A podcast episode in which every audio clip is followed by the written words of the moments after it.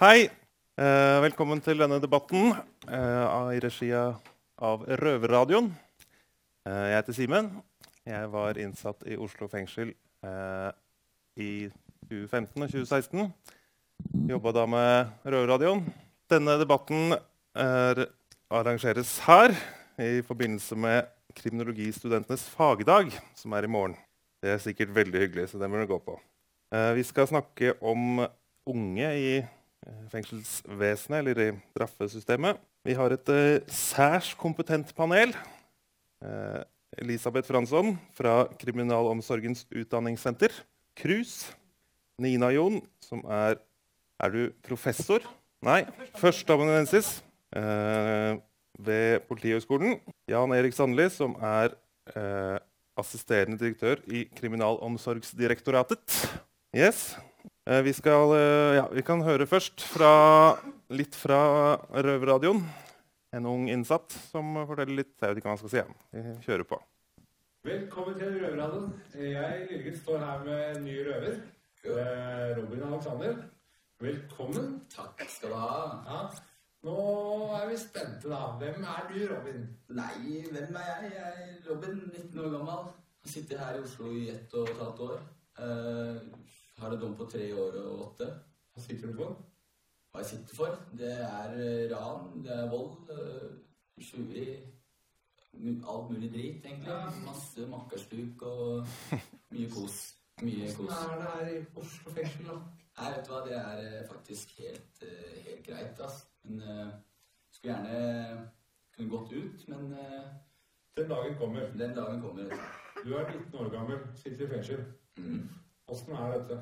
Nei, altså Jeg vil ikke tro 19 år, 40 år, altså Det å bli satt inn og miste friheten sin, det er vel Ja, det suger vel like hardt uansett alder, egentlig. Og kanskje ikke engang 18 når du var satt inn. Stemmer det, ja da. Jeg fylte vel eh, 18 to dager etter jeg ble satt inn i varetekt. Første gang. Det var litt verre, da. Nei, egentlig ikke, ass. Eh, Det eneste som sugde, var at jeg fikk kjøpe røyk, ass. Det var jævla irriterende. Men eh, jeg tror ikke det er eh, Nei, som jeg sa i stad, så uansett alder så er det kjipere å miste friheten sin, ass, egentlig. Mm. Hva er, du, hva er målet ditt etter et soning? Målet mitt er vel å Jeg har lyst til å starte på skole, ass, egentlig. Eh, ta meg utdanning. Kan jeg spørre om et par andre ting som er kanskje litt verre? Ja, jeg bare spør deg. Eh, Det er jo går rykter om at du tenner på celler, eh, sperrer deg inne på rommet ditt, fyrer opp, kutter deg selv. Ja. Hva er grunnen for dette, Robin? Nei, altså Det er vel litt blanding, egentlig. Litt, eh, altså, for min del så har jeg, jeg har veldig mye energi i kroppen. Når jeg sitter inne på en celle, så får jeg ikke utløp for det, og da går den energien fort opp i huet. Og da blir det til at jeg kanskje tenner på et selv eller kutte meg opp litt. Ja. eh, bare for å liksom få litt utløp for energien. Ja. Ja. Enkelt og greit, altså. Men uh, Robin, vi kommer til å bli bedre kjent på etter hvert. Ja. Uh, og jeg må bare si at du er en fantastisk person. Så det blir dritkult å, å ha deg her i radioen. Bli kjent med deg, få prate med deg i radioen. Det blir veldig bra. Mm. Så vi bare ønsker deg velkommen som en røver. Takk skal du ha. Så ja, til alle ute, gleder dere masse til å høre mer fra Robin og meg, Lillegutt.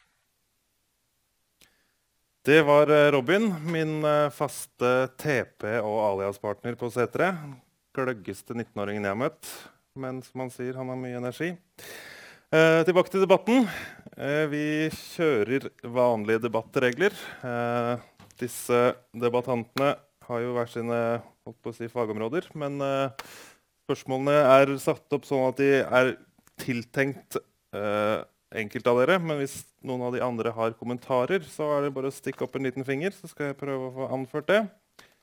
Uh, vi skal også åpne opp for spørsmål fra salen, men det tar vi til slutt. Ellers så blir det bare kuk i computeren, som danskene sier. Eh, skal vi se. Eh, vi skal dele debatten inn i tre hovedemner. Kriminalitet hos unge, eh, unge som innsatte og tilrettelegging for unge innsatte og forebygging da, av videre kriminalitet eller ungdomskriminalitet.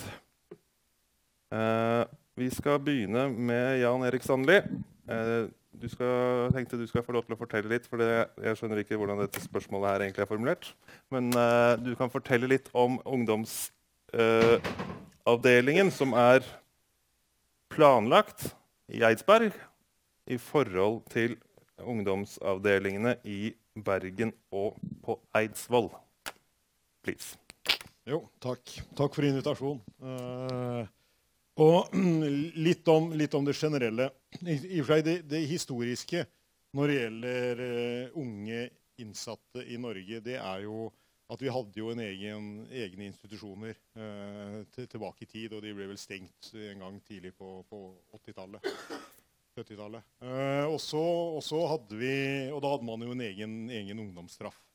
og man hadde veldig mange innsatte. I 1973 så ble det satt inn det sett 735 innsatte under 18 år i norske fengsler. Uh, veldig høye tall historisk. Så fra når de ble stengt, så hadde man i mange år en, at man blandet de unge og, og eldre innsatte. og Det var policyen eh, som gjaldt i Norge. Eh, og man fikk kritikk, spesielt for, sånn internasjonalt, for hvordan man håndterte de innsatte under 18 år at man hadde de samme institusjonene. altså De ble satt inn i ordinært fengsel. Så, så det ble bestemt sånn tidlig på 2000-tallet at man skulle i og for seg gjenåpne nye institusjoner for innsatte under 18 år. Uh, så Den første kom jo på, i Bergen, uh, på Bjørgvin, og åpna i 2005 med fire plasser. Og, så kom det Nei, jeg sa 2000, 2009. var det. Og så kom den andre i 2015 på Eidsvoll. Uh, med også fire plasser. Og de to, det er de to institusjonene vi har for det som da i betraktes som barn. Altså innsatte mellom 15 og 18 år. Uh, de er der. Og, og, og det er til sammen, sammen åtte plasser der. Uh, og antall innsatte der det, det, det varierer mellom tre og åtte uh, i den tiden de har vært, vært, vært åpent. Så, så, det er i skillet uh, i kriminalomsorgen går 15-18 år, og så, og så, har man de som er eldre. Og, og det man snakker om på, på, på, Eidsberg og andre steder for unge, det er da den gruppen i 18 år pluss. Så, så, så, vil det variere litt. Man har, har noen, noen, steder at man setter i og for seg 18 til 23 som en grense. men når det gjelder lov og regelverk, Eh, så, så, så, går det store skiller i kriminalomsorgens regelverk for de over under 18 år. Uh, og så To år til slutt så har vi også da i virksomheten ved friomsorgskontorene samfunnsstraffen. Som, som vi har ønska fra kriminalomsorgens side at vi har ment at samfunnsstraff har vært en god straff for de unge. Uh, og ja, kan komme tilbake til, Der har vi også hatt en nedgang. Kan jeg bare spørre om noe? Hvor mange plasser er det tenkt for 18 pluss-gruppa? Nei, Den, den, den 18 pluss-gruppa har ingen, ingen fastsatt uh, det, er, det, er, ingen, det, ingen det, det, det, eneste stedet vi har, har i og for seg bestemt antall, det er for, for, for den gruppa 15-18. Som det da er åtte plasser i hele landet. nei, det er, er ingen uh, og, og, du har ulike steder og ulike varianter av det. Det er ikke like målretta og like Eidsberg, der er avdelingene på tolv innsatte.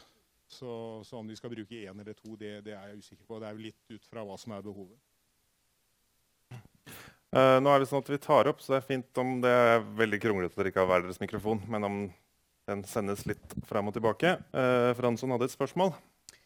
Nei, en uh, replikk, mener jeg. Beklager. Ja, takk. Eh, jeg, eh, jeg, driver jo med et forskningsprosjekt på ungdomsenhetene.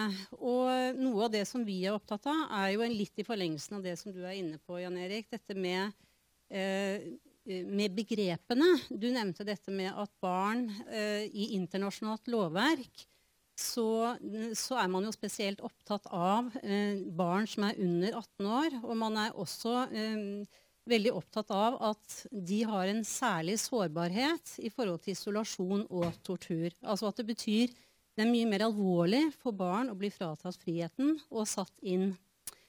En av de tingene som vi er opptatt i vårt forskningsprosjekt, er jo begrepet barne- eller ungdomsenhet. Og eh, jeg tenker ikke at du nødvendigvis har noe svar på det, kanskje, men, men det er interessant å merke seg at vi her bruker begrepet ungdomsenhet, fordi det både tar fokuset bort fra at det faktisk er barn under mellom 15 og 18, altså som er definert gjennom barnevernsloven, eh, og også internasjonalt med, eh, eh, regelverk, også Grunnloven, eh, og også begrepet enhet, fordi at det er et fengsel. Jeg vet ikke om du har noen kort kommentar til det? Ja, det, det, er, det, er, vel et i og for seg politisk valg, eh, i og for seg begrepsbruken her. Men, eh, og enhet bruker vi generelt i kriminalomsorgen. Men, eh, men du, har jo, du, har jo, rett i det. Det er jo et, det er jo et fengsel for barn. Det er jo ingen tvil om det. Jeg har bare lyst til å, Hvis jeg bare kan få to sekunder til på akkurat den. For jeg tror at akkurat det er veldig viktig. fordi at eh, hva man kaller ting, og det er jo særlig for dere som studerer sosiologi, så er jo begrepene man bruker, spesielt viktige. Eh, og av spørsmål, Et av de spørsmålene som vi er særlig opptatt av i vår forskning, eh, det er jo dette med hva skjer når også de ansatte begynner å tematisere at de ikke, at de ikke ser på enhetene som et fengsel, men som noe annet. Så her ligger det veldig mange interessante problemstillinger som er, eh, som er av faglig eh, karakter veldig viktige. Ja, vi blir kvitt eh, fattigdom hvis vi bare kaller det for lavinntektsfamilier, gjør vi ikke det? Eh, da skal jeg snakke om kriminalitet blant unge. Eh, eller dere skal snakke om. Eh, Nina og Jon, vi hører stadig nyhetene om grov vold og narkotikasalg blant unge, nå særlig sist i Stovner skole, Oslo-skolen. Hvordan står det egentlig til med kriminaliteten blant de unge? Det, blir det verre, eller blir det bedre, eller? Ungdomskriminaliteten går ned. Eh, det, både den registrerte kriminaliteten og det hva ungdom selv rapporterer gjennom Ungdata-undersøkelsene. Så det store bildet altså Kriminaliteten går ned eh, generelt. Og ungdomskriminaliteten går særlig ned. Eh, det betyr jo ikke at det ikke er noen opphopninger og noen lokale variasjoner. Eh, men i det store bildet kriminaliteten går ned. Det blir bedre og bedre. Verden går fremover. Og Hva er bakgrunnen for det? Har du noen tanker om det? Det er mange sammensatte grunner til at kriminaliteten går ned. Eh, jeg tenker at En veldig viktig grunn er at altså generasjonsgapet har lukket seg. Forskjellen mellom foreldre og ungdom på 50- og 60-tallet, hvor vi hadde disse store gruppene av, eh, av, ungdomskriminelle, det var jo en tid hvor ungdommen skremte vannet av de voksne. Eh, og de voksne gikk helt i stå av at ungdommen hadde langt hår. Altså Det var skremmende, for det var et tegn på at nå begynner det å gå galt. Nå går Det det handlet mye om å redde dem fra en elendighet. De så liksom for seg at nå går det lukt til helvete her. Sånn at, eh, den, eh, og de hadde jo selv aldri vært ungdom. De var jo en foreldregenerasjon som gikk fra å være barn til voksen ved konfirmasjonsalder og hadde rett og slett ikke helt peiling på hva dette ungdomslivet var for noe. Foreldregenerasjonen i dag jo bedre, var jo mye bedre på å være ungdom enn de streite ungene vi sjøl har oppdratt. Sånn at våre barn er jo i all hovedsak streitere enn de fleste av sine foreldre. Sånn det, vi, og det betyr noe for hvordan vi forstår og møter ungdommen. Eh, de lever helt andre liv. Veldig mange av de lever, altså, Ungdommen lever jo et uh, digitalt liv. sånn at I stadig større områder av Norge så henger det ingen ungdom på hjørnet. Det ga mye trøbbel før med alle de ungdommene som hang rundt omkring. Uh, som da fant på ting. Nå driver de med helt andre ting. De sitter hjemme og spiller eller er på sosiale medier. Sånn det, det leves helt andre liv. Det gjøres veldig mye godt forebyggende arbeid eh, altså kriminalitetsforebyggende arbeid blant barn og unge i Norge. Der gjøres det veldig mye bra, som selvfølgelig også har stor betydning. Og eh, vi medisinerer en del trøbbel. Altså folk som før ikke var medisinert, som ikke fikk hjelp, eh, får nå hjelp og blir på en måte behandlet på en helt annen måte enn vi gjorde på 50- og 60-tallet. Og så tenker jeg også at en veldig viktig grunn er likestilling og en endra mannsrolle det å iscenesette seg som den tøffe, kule typen som også begår mye lovbrudd, det er en figur som er mye mer marginalisert nå.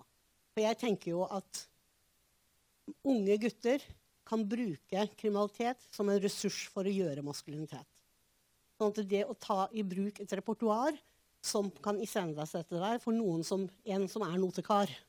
For jeg tror det handler veldig mye om å skaffe seg anerkjennelse. Og i en marginalisert posisjon så er kriminalitet en ressurs som kan brukes. De spiller på seg sjøl og kroppen sin, som jo er det eneste de har. Og det handler jo mye om at uh, det er de marginaliserte ungene. Det er ikke hvilke som helst ungdommer som havner i disse institusjonene. Har aldri gjort det historisk, og heller ikke nå. Sannelig, du hadde en uh, replikk? Jeg kan si ja, litt om Situasjonen i kriminalomsorgen er jo at uh, det er jo en, en, voldsom nedgang, spesielt for de som er da under 18 år, i antall som kommer til kriminalomsorgen som er, er under 18 år. Uh, som jeg sa, 1973, da ble det satt inn 735. I 2009 så ble det satt inn 88 i fengsel som var uh, ikke fylt 18 år. I fjor så var det 29. Uh, så, så det, det, det, faller veldig. Det var en lang periode i 2014. Det var én innsatt under 18 år i Norge. Uh, så, så det, og vi ser det også på samfunnsstraff. 2007 mottok, kom det 282 dommer på samfunnsstraff. Uh, I fjor så var det noen og 30. Så, så, så, så, for den nedgangen er ikke så stor uh, for, for, de over 18 år, men det er også en nedgang der. Hva mente du i forhold til samfunnsstraff? Altså ja, det, det, det, har også gått ned, men der ja. tror jeg det er en økning i år. Uh, okay. ja, i, ja, Så det, det, går litt opp og ned. Det, er, det mener jo vi er en god straff for de unge. Eh, jeg har bare lyst til å legge til også at uh, I denne siste Salto-rapporten så er det jo noen nye tall som viser at det har vært en liten altså, Det er jo helt riktig ikke sant, dette med at kriminaliteten har gått ned, men en, man ser en bitte liten økning uh, i løpet av altså, noen siste tall. Uh, F.eks. at det er noen flere gjengangere uh, da i 2016 enn det det var noen, de foregående årene. Men det er klart at dette er veldig, veldig små tall. Eh, men jeg tror at, som Nina Jon sier, at det, eh, det, er Det som er på en måte slående, er jo at færre begår kriminalitet. Men de som gjør det, de er mer marginalisert, og de begår også alvorlig kriminalitet. Stemmer ikke det? At det er et ganske riktig bilde? Jeg har argumentert for det før. At kriminaliteten går ned, men blir mer polarisert. Da har jeg også fått litt motbud. Det, det, har også vært en del NOVA-forskere som har eh, sagt at de er ikke helt sikre på om det er riktig. så hva som er egentlig, Men det er i hvert fall en tanke å ta med seg. Men det er klart, de mest alvorlige kriminelt belasta har alltid vært veldig marginalisert. Det, så, og det er de fortsatt. Men om det blir verre og om det, men det eh, det er det er vel også sånn at mest, mesteparten av det som, altså, Det er lett å tenke seg at mye av det som har gått ned, er den mindre alvorlige med sånn armer og bein. Vi river ned et busskur. Vi, eh, altså, vi, vil lite, ta med oss litt ekstra enn det vi skulle, som ikke er så alvorlig. Og så uh, at det, Jeg tenker at det er ganske naturlig at det er en sånn vei det går, men jeg er også ikke helt sikker på om, det er, om vi har helt belegg for å si det. Så appene har ødelagt hærverkens kår, rett og slett? For jævlig. Uh, skal vi se Beklager. Ble det kuk i computeren allikevel? Uh, Fransson, er det eh, blant i noen miljøer status å ha, være i klammeri med politiet eller komme i fengsel? Mm. Eh, nå, jo, nå, konsentrerer jeg meg særlig om de helt unge, da, for det er der jeg på en måte, det jeg bedriver forskning på akkurat nå. Altså disse som er mellom 15 og 18. Eh, og jeg tenker at Det kommer veldig an på altså hva slags situasjon vi snakker om. For det er klart at status, altså det, eh, det å på en måte eh, ha status, er jo på en måte et, eh, et element som er viktig i alle ungdom, altså blant folk flest. Eh, det er klart at Blant noen ungdommer så kan det gi status. Men jeg tenker at det er viktig å skille her mellom litt ulike situasjoner, men også litt ulike nivåer. For det er klart at På individnivå så kan man kanskje tenke seg at uh, i et ungdomsmiljø uh, at det kan bety noe å være en del av en gruppe hvor du også er akseptert. Eh, hvis, man, hvis, man, tenker det et, i et mer sånn relasjonelt eller gruppenivå, så tenker jeg at eh, Jeg refererer til denne Salto-rapporten, eh, hvor det stilles noen interessante spørsmål. Eh, F.eks.: Er det vanskeligere nå å få skolegang og legale arbeidsinntekter? Er det vanskeligere for unge å bryte ut av belastende miljøer? Er blitt mer å hente statusmessig på innsiden ved å delta i illegal virksomhet? Eh, og jeg tenker at Når jeg har sittet i rettssalen og hørt en del av disse rettssakene som har gått, bl.a. Eh, blant disse såkalte barneranerne, så er det klart at der er det jo snakk om boblejakker, klokker, en del ikke sant? Det er snakk om penger. Eh, samtidig så er det disse veldig eh, Den dagen på en måte du får en sak på deg og sitter i fengsel, så er det klart at hvorvidt det gir status, og om det oppleves veldig gjevt, sånn som vi hørte på Robin i stad, Eh, så slår jo på en måte den harde virkeligheten inn at eh, du sitter jo tross alt alene i fengsel. Jeg tenker at uh, Når man sammenligner med en del dansk forskning som er gjort på eldre, i forhold til dette her med gjenger og bander, så er det klart at vi vet at man kan få status, og du kan holde sammen et miljø fra fengselets innside. Men igjen så har jeg snakket med mange prester som sier at de har også klart å få til samarbeid, eller altså at, klart å holde ro i fengsler. Sånn at statusen den kan også kanskje ses på som flyktig og litt situasjonsbestemt. Og jeg tenker vel også at øh, flytter vi blikket enda uh, lenger opp, da, som samfunnsforsker så er jeg jo opptatt av, av nettopp samfunnsforholdene, Eh, så er det jo dette med at øh, status kanskje er et, et, begrep som ligger mer på et slags individnivå. Mens når vi snakker om i samfunnet, som Nina også sa, så er det jo snakk om at dette er ungdommer som er posisjonert i samfunnet.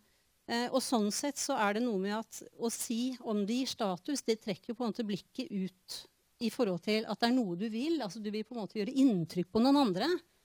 Men sett i forhold til mulighetsbetingelser så er det mulig at det er et feil spørsmål å stille. Altså at dette er såpass innvevd, sånn som Nils Kristi snakker om. Dette med at ethvert samfunn har sin kriminalitet, og at det ikke er tilfeldig hva slags kriminalitet som begås i det samfunnet vi lever i nå. Det var sikkert eh, et litt sånn diffust svar, men allikevel. Det var sånn jeg svarte på den. ja. Kan jeg holdt på å si føye til, da, Jeg har jo ikke noe forskning bak meg, men jeg har sittet inne med noen unge folk. Og det er jeg veldig enig med deg. For det er liksom sånn De har gjerne store i kjeften av ha-ha, det er bare kult å være her. Og så er det de som gråter uh, på cella. Gråter på cella også, men det er bare når jeg ser Modern Family. Uh, skal vi se. Går vi videre. Men det er jo også det Robin sier. i det altså Robin er jo en usedvanlig si, Han uh, sier at han gråter. Det er ikke så ja. veldig mange som gjør, Nei. som er 19 år. Men han både sier at han takler det, og han på en måte iscenesetter seg som en som fikser det. Samtidig ja. så er det jo helt åpenbart at han sliter også veldig. Absolutt. Det, jeg, vil, jeg, tenker i hvert fall at det er kanskje ikke bare energi. Eh, Nei. Det er, det er, jo det, det er uttrykk, som du sier, altså ja. Uh, ja nesten alle unge kommet, som er i fengsel, som jeg har møtt, fall, har jo bakgrunn fra barnevern. og liksom, Det er mange år med tung historie allerede før de kommer i fengsel. Mm. Jeg bare lyst til, sånn, I og med at det er masse kriminologistudenter, så har jeg lyst til å si at uh, dette med status er jo på en måte Jeg nevnte litt med dette her med at man kanskje kan tenke på det mer som et sånt individnivå. Men hvis man kobler det til f.eks. stempling Du var jo inne på dette her med den der lidelsen det er å sitte i et fengsel. Eh, og det er vel kanskje noe av det som slår meg når jeg treffer unge innsatte. Det er jo på en måte den, der, den opptattheten av at så utrolig mye som er ødelagt. ikke sant? Hvor du kanskje ikke kan flytte tilbake til det lokalsamfunnet som du var i. Eh, og, og, på en måte hvor, hva faktisk hva det betyr helt konkret. Altså at du ikke kan ha kontakt med med de menneskene som står deg nær, eller med de vennene, eller med familien eller med kjæresten din. Altså, det er utenkelig å flytte tilbake.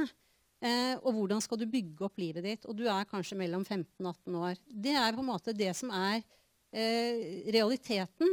Og ikke bare det, men, men også at lovbruddet du har gjort, kanskje eh, vil bety at det er en hel serie med, med yrker som du ikke kan, og jobber som du ikke kan ha.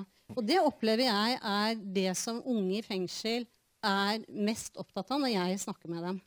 Det er en utrolig sorg og en utrolig lidelse som ligger i det. Uh, Nina Jon, du har uh, snakket om at alder er en avgjørende faktor for utførelse av kriminalitet. Kan du utdype det? Du har ikke sagt det til meg, du har sagt det til Knut Erik. Jeg sa det kanskje ikke akkurat sånn.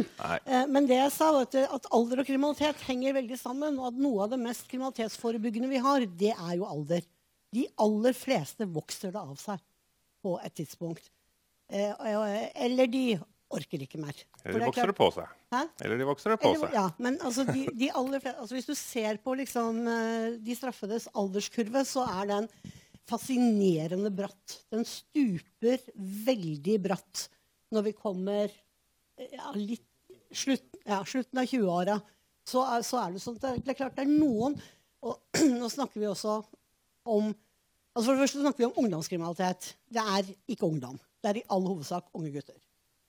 Eh, og så snakker vi om ungdom, altså den ungdomskriminaliteten de begår, eh, eh, som én ting. Og det er jo enormt sprik i hva slags type handlinger vi snakker om.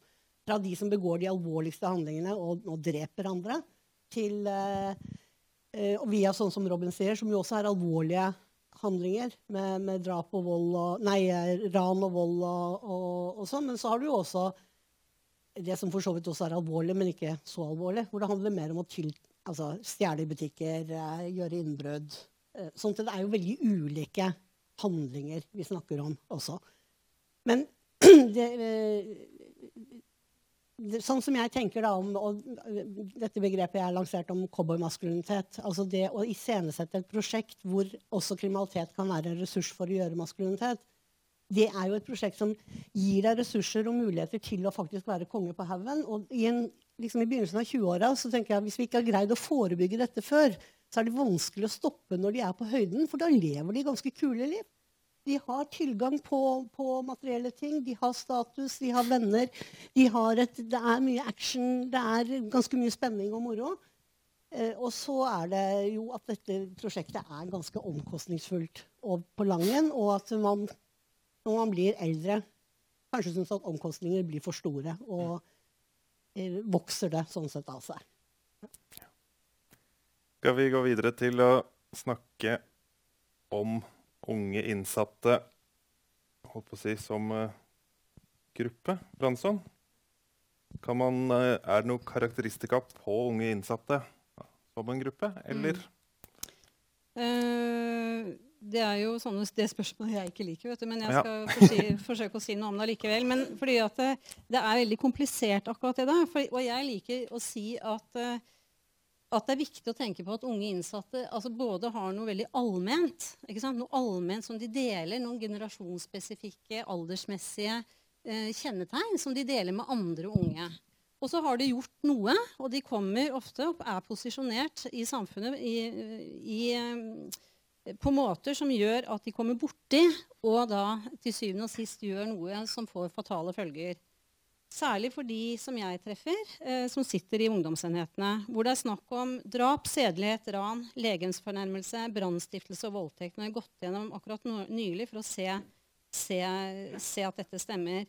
Men eh, så, så vi vet jo at dette er unge som, som har en lang, sosial, altså en lang tapsliste, som har mer problemer i forhold til de aller fleste levekårsvariabler. Dette er sånne ting som vi vet.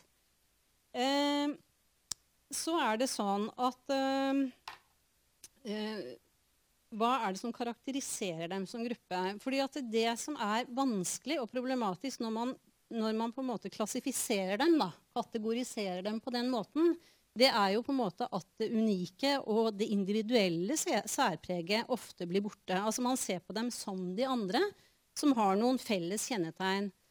Eh, og det er jo på en måte problematisk når man skal legge opp til i kriminalomsorgen så godt det lar seg gjøre da, for et individuelt løp. Eh, for de som jobber i ungdomsenhetene, nå snakker jeg særlig om det, så, så er jo det eh, folk som virkelig jobber eh, og legger sjela si i å gjøre en forskjell for ungdommene. Men det er klart at eh, for dem så er jo dette noe de opplever år etter år, gang på gang.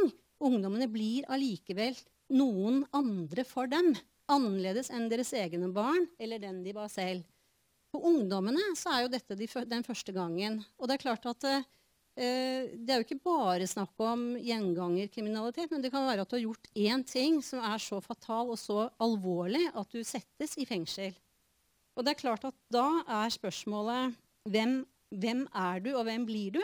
Og et begrep som vi jobber med i vårt forskningsprosjekt, det er jo dette begrepet til Deleuze som er 'the process of becoming'. Altså så at Istedenfor å bare tenke at de unge kommer fra noe, de er på en måte tapere i samfunnet, så tenker vi i dette prosjektet også på hvem blir de? Hva slags subjekter blir de i fengselet? Eh, fordi at det er jo ikke bare sånn at de har ting med seg når de kommer inn, men de formes jo også i fengselet av det fengselslivet som de lever der. I møte med andre ungdommer. Men i, det er jo ikke så mange ungdommer som er sammen i ungdomsenhetene. Det er jo bare plass til fire. det er ikke alltid de er... Det, men det betyr at det er veldig mange voksne i ungdomsenhetene. Og sånn sett så blir jo på en måte voksne og fengselet det blir på en måte rammebetingelsene for de unge. Eh, og det er på en måte det er vel på en måte noe som jeg er veldig opptatt av. Altså at man på en måte ikke er bare, eh, men at man på en måte også blir. Og man blir i en sosial sammenheng og en materiell sammenheng. Har dere noe Nei, ikke annet enn at dette var veldig klokt sagt. Var, dette, nå, må, nå har dere lyttet nøye. Skal vi se Sannelig, uh, kan du fortelle om noen erfaringer med de ungdomsavdelingene som har vært i Oslo fengsler? Fengs norske fengsler. Beklager. Ja, ja, hvis vi går tilbake i tiden, til når vi hadde, når vi hadde ungdomsstraff og, og, Berg og var ungdomsfengsel for de under 18, så var jo erfaringene veldig dårlige. Uh, da kunne man jo, hvis man ikke oppførte seg ordentlig, så kunne man forlenge straffen. Og, og, og, Det illustreres jo godt med at den som skrev i og for seg rapporten som førte til nedleggelse, var den som var fengselsdirektør. Kåre Bødal som var fengsels, den siste fengselsdirektør. Så han skrev i og seg rapporten som førte til nedleggelse av sin egen institusjon. Uh, og, og, og, det var nok de erfaringene som gjorde at man, det gikk lang tid før man prøvde seg igjen. Uh, og, når, det, når, vi fikk de to nye, nye avdelingene, altså i, på, i Bergen og, på Eidsvoll, så, så, så, så, noen ting man gjorde, var at for, for det første så ser de jo i og for seg materielt veldig gode ut. Det er, det er god plass. De, de, de, de, minner ikke om et tradisjonelt fengsel overhodet. Uh, og, og, du har en veldig høy bemanning, uh, og du har en tverrfaglig bemanning. Og for første gang så er barnevernet inne og jobber i fengselet, og du har helsepersonell der, du har lærere der. Du har 30 ansatte og 4 innsatte. Du har en bemanning som er helt annerledes enn i andre, andre fengsler.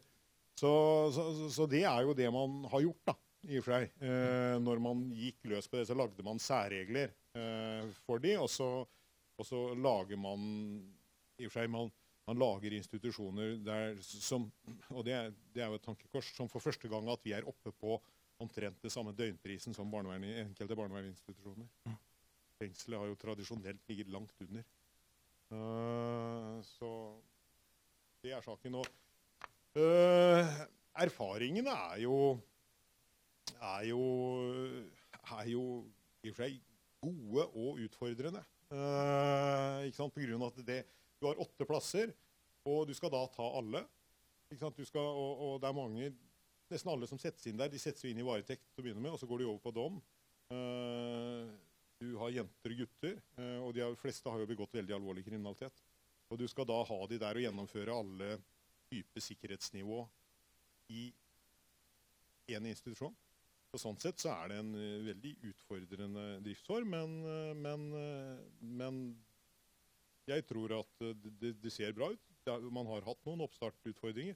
Ombudsmannen ga, ga bl.a. En, en rapport fra, fra, fra Eidsvoll som inneholdt en del ting vi jobber med å endre. Så, ja.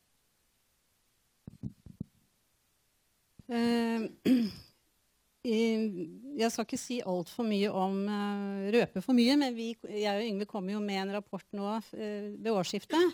Uh, og det er jo kommet en rapport før som er skrevet av Ida Hydle. Og jeg tror nok at vi nok er mer kritiske eh, til ungdomsenhetene enn det Ida Hydle er i sin rapport.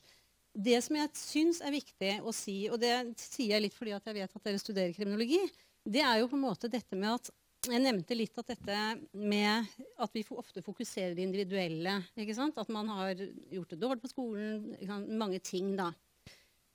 Når man skal drive med fengselsforskning, så er noe av det som er viktig, det er å se på kontekst. Og særlig som samfunnsvitere så er jo konteksten viktig. Eh, og hvis man tenker eh, Jeg har ett eksempel, og det kan jeg si fordi den, den, er i ferd med å bli publisert. Det handler på en måte om et måltid som jeg kom inn i i en av ungdomsenhetene.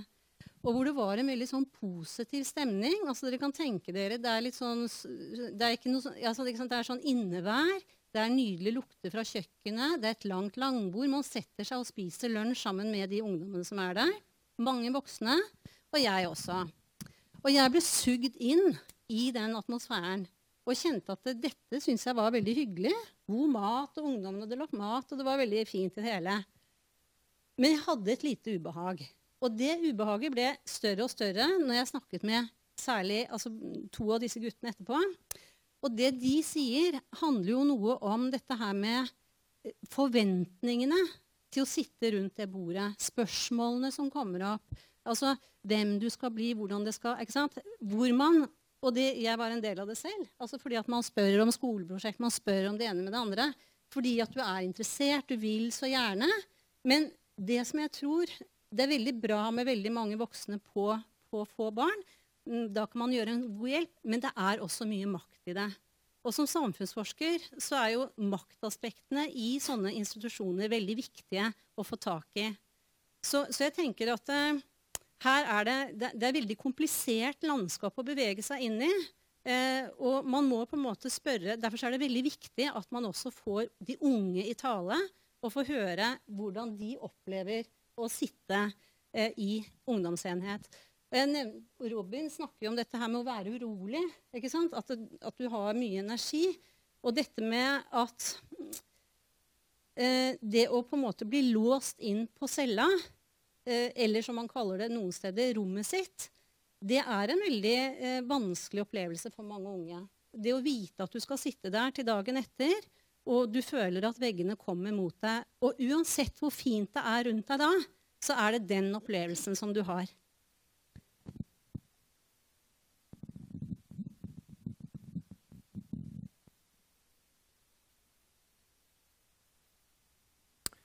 Uh, Nina Jon, du har skrevet om uh, Foldin, uttales det? Foldin. Foldin, Det Foldin som var Bastøy. Var det noe der som var bra, som vi burde ha hatt? Jeg tror ikke jeg vil gå så langt som å si at vi burde gjenskape den type store institusjoner. Men, men Foldin verneskole var altså siste periode var gutteinstitusjon på Bastøy. 1953 til 1970. Eh, og som var barnevernets siste skanse før da Berg og ungdomsfengselet. Eh, og veldig mye av dette, disse gutta de sklei frem og tilbake mellom disse institusjonene. Så det er ganske sånn like de gutta som var på, på Berg. og når jeg begynte å studere dette, så visste jo jeg hva jeg skulle finne. For vi vet jo alle hvordan det er livet på de store institusjonene på 50-60-tallet var. Så jeg forventet jo å bare finne elendighet. Og satt på Riksarkivet og skriver ganske tidlig inn på laptopen min Jeg syns det er mye omsorg her. Og så skynder jeg å legge meg til. Det er sikkert bare fordi jeg har kommet så kort. Eh, for jeg, måte, det tok litt tid å la empirien overbevise meg om at uh, det var eh, også et godt sted å være. Intervjuet en av de som hadde vært der, eh, i Oslo fengsel. og han så på meg med tårer og sa den fineste tida i hele mitt liv. Og så sier det alt om livet hans før Foldin og livet etterpå. Han har gått ut og inn av institusjoner hele sitt liv. Men på Foldin så lykkes de i å skaffe en betalt familie. De voksne, altså Ved at det var på en øy, Eh, så er det veldig mange institusjoner har det jo gått veldig galt fordi det var på en øy. Men på Bastøy eh, så lykkes de i å skape en atmosfære hvor gutta følte at de fikk en betalt familie. Eh, og flere, det er flere eksempler i det materialet på, også på gutter som nekter å la seg skrive ut For de reiser ut og er ute og jobber, men altså, da hadde styrer et øye med dem, og de kunne ringe De følte at de ringte hjem til øya hver lørdag og snakket med, med styreren. Eh, og vil ikke skrive seg ut, for de har ingen andre. Dette er de voksne menneskene de har rundt seg. Eh, og det, det, er jo fantastisk at eh, min store helt i livet, Hans Harstad, greide å skape en institusjon som hadde en sånn atmosfære. Men det er jo hjerteskjærende at vi som samfunn ikke har annet å by unger enn ansatte. Og det, det, er vel kanskje det jeg også er redd for med disse ungdomsenhetene uh, og disse fine ordene. Altså, Hva slags unger er dette, og hva slags liv har de levd? Vi vet altså, at de stort sett har gått ut og inn av institusjoner hele livet, og de har ingen andre. Og så ja, viktigheten da, av de mange voksne rundt dem, og hva slags posisjon de skal få i forhold til dem. Da kan vi gli rett inn over på forebygging og tilrettelegging fortsette med deg. Hva er gode tiltak og virkemidler for å forhindre kriminalitet blant unge? Altså, hvis jeg skal være litt sånn på det blir personlig, så tenker jeg at vi må holde opp. Vi må altså rett og slett holde opp og synes at vi styrker barnevernet ekstremt mye når vi sørger for at det kommer én ny stilling i hver kommune. Vi må bruke penger på barnevernet. Vi må sørge for at disse ungene får hjelp tidlig nok. Og Ja, det virka sånn. Snakk høyt og tydelig, du, så Vi har et barnevern som opererer med omsorgsbarn og atferdsbarn. Det er omsorgsbarn de få barna som egentlig trenger omsorg.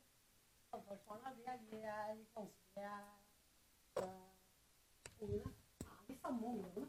De har vokst fra å være omsorgsbarn til uh, til uh, atferdsbarn i løpet av alderen. Altså, så, ja, så, dette at vi ikke klarer at vi ikke Agnes Andenes skrev en artikkel for noen år siden som sier 'Hvorfor ser vi ikke fattigdommen?' At vi ikke klarer å, at vi har et barnevern også som på en måte fokuserer på oppdragelse og hva slags grensesetting mor klarer å gjøre, men eh, på en måte mister av syne hvilke ressurser disse familiene har.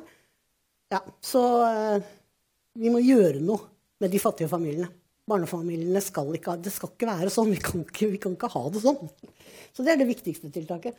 Men det gjøres også mye godt forebyggende arbeid eh, i kommuner som er. Det, politiet og kommunene jobber godt sammen. Altså, sånn det er klart Alle disse tingene er også viktige. Hva kan politiet og rettsvesenet gjøre, tenker du?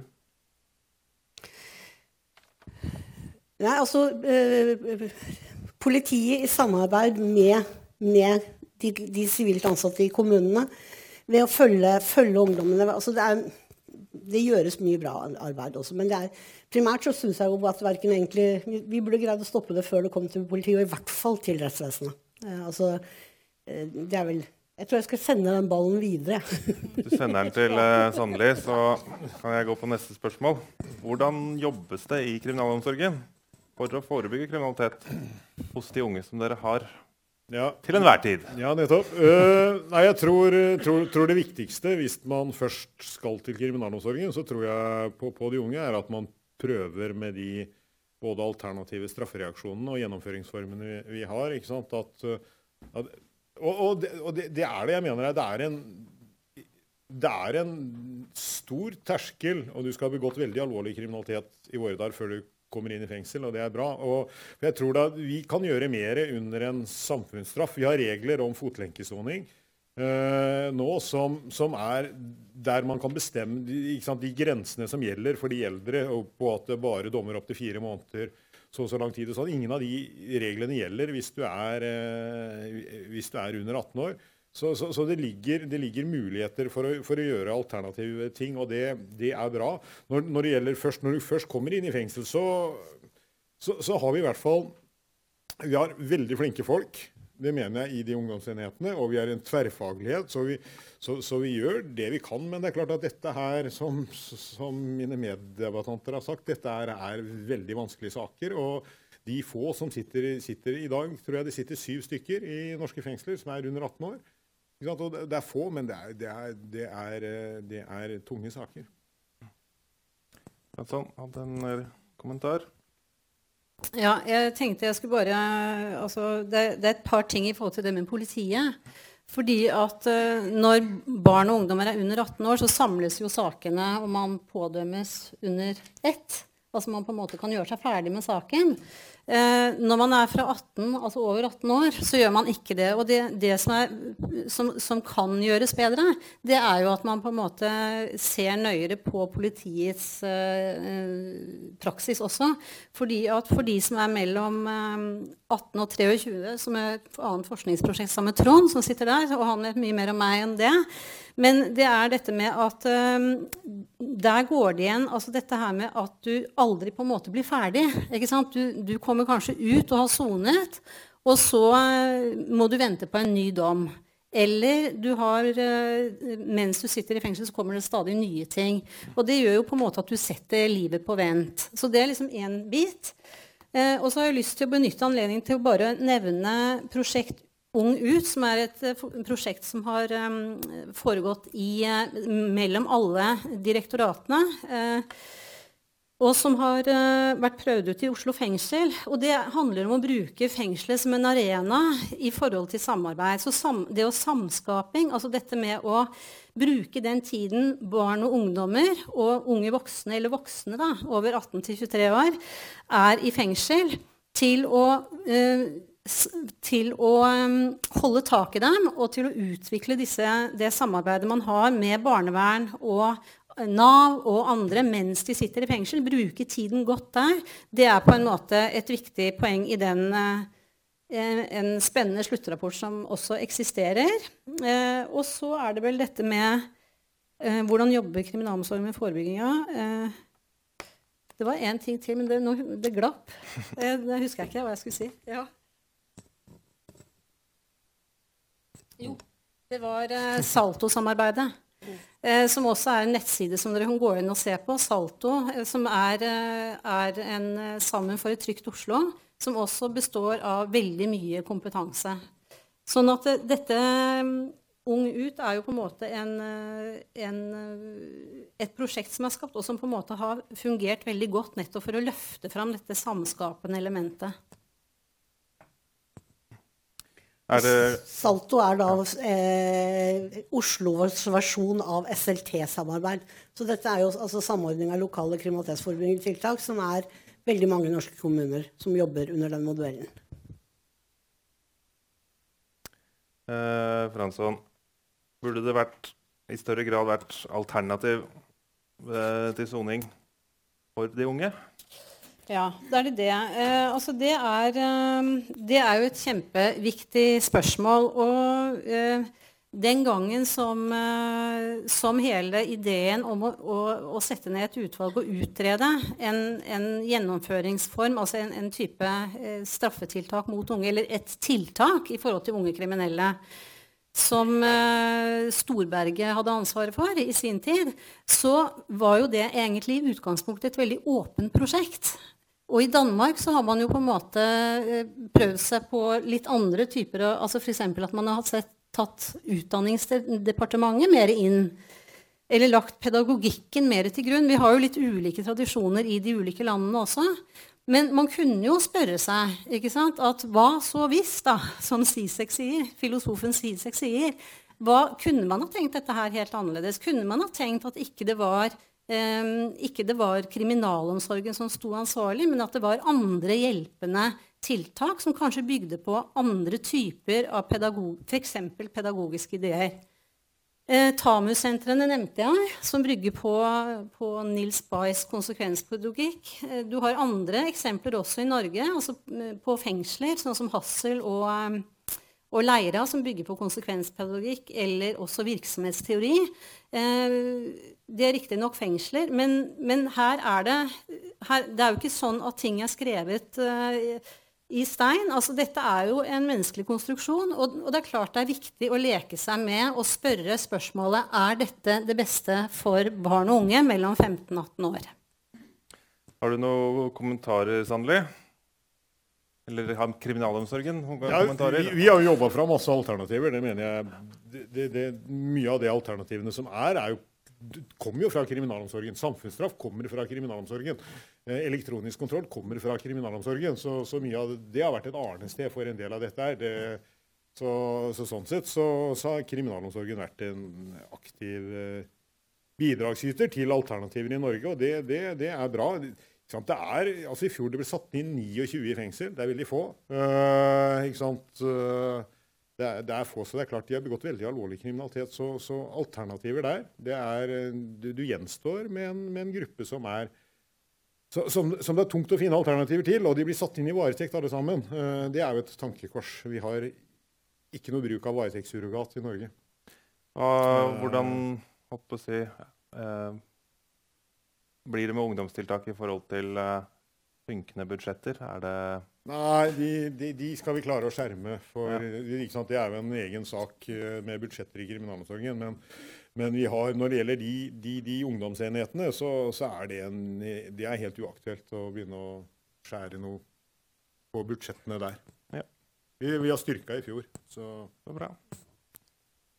Eh, Sånn helt avslutningsvis til akkurat denne diskusjonen, altså, så ser jeg det, og det, har, det, er helt riktig, at kriminalomsorgen har satt i gang mange ulike tiltak.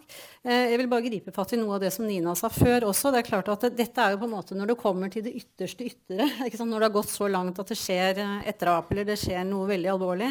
Men det er klart at eh, jeg vil bare støtte meg til det Nina sa om barnevernet, som er en utrolig viktig instans. Og det er klart at det er kanskje det viktigste, er jo egentlig hva vi gjør tidlig. Og at vi på en måte I Norge så har vi hatt en tendens til å sektorisere barnevernet, barne- og ungdomspsykiatrien. Eh, og når man sitter og hører på rettssaker, så må jeg jo si, som, ber som berører barn og unge, er jo at eh, det også er en ansvarsfraskrivelse.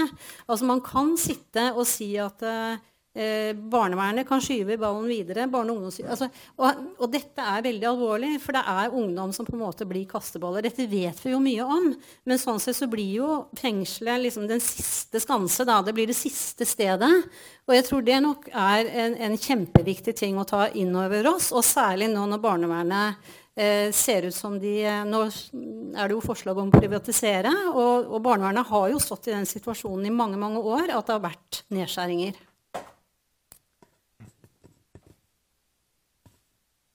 Er det riktig å ha en kriminell lavalder på 15 år? Går til alle sammen. Skal jeg si noe om det òg? Ja. Jeg, jeg, kan begynne, jeg. Mm. Jeg syns ikke det. Jeg mener at unger er unger. Jeg syns den skal være 18.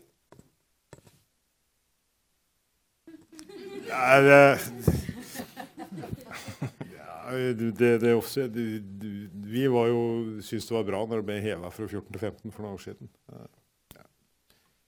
Det er et valg. Jeg skal ikke uttale meg for bastant om det. Men, men, det er ingen tvil om at uh, jeg tror at uh, enkelte av de som sitter i På et eller annet tidspunkt så, så, så vil en sånn, sånn, sånn enhet være, være, bra. Men om, om det er 15 eller 16 år jeg, jeg har akkurat vært i Skottland. Uh, og det er veldig rart å se debatter i andre land. England som ikke har noen grense overhodet. Uh, Skottland som da diskuterte, hadde et forslag på å innføre, bare tolv år.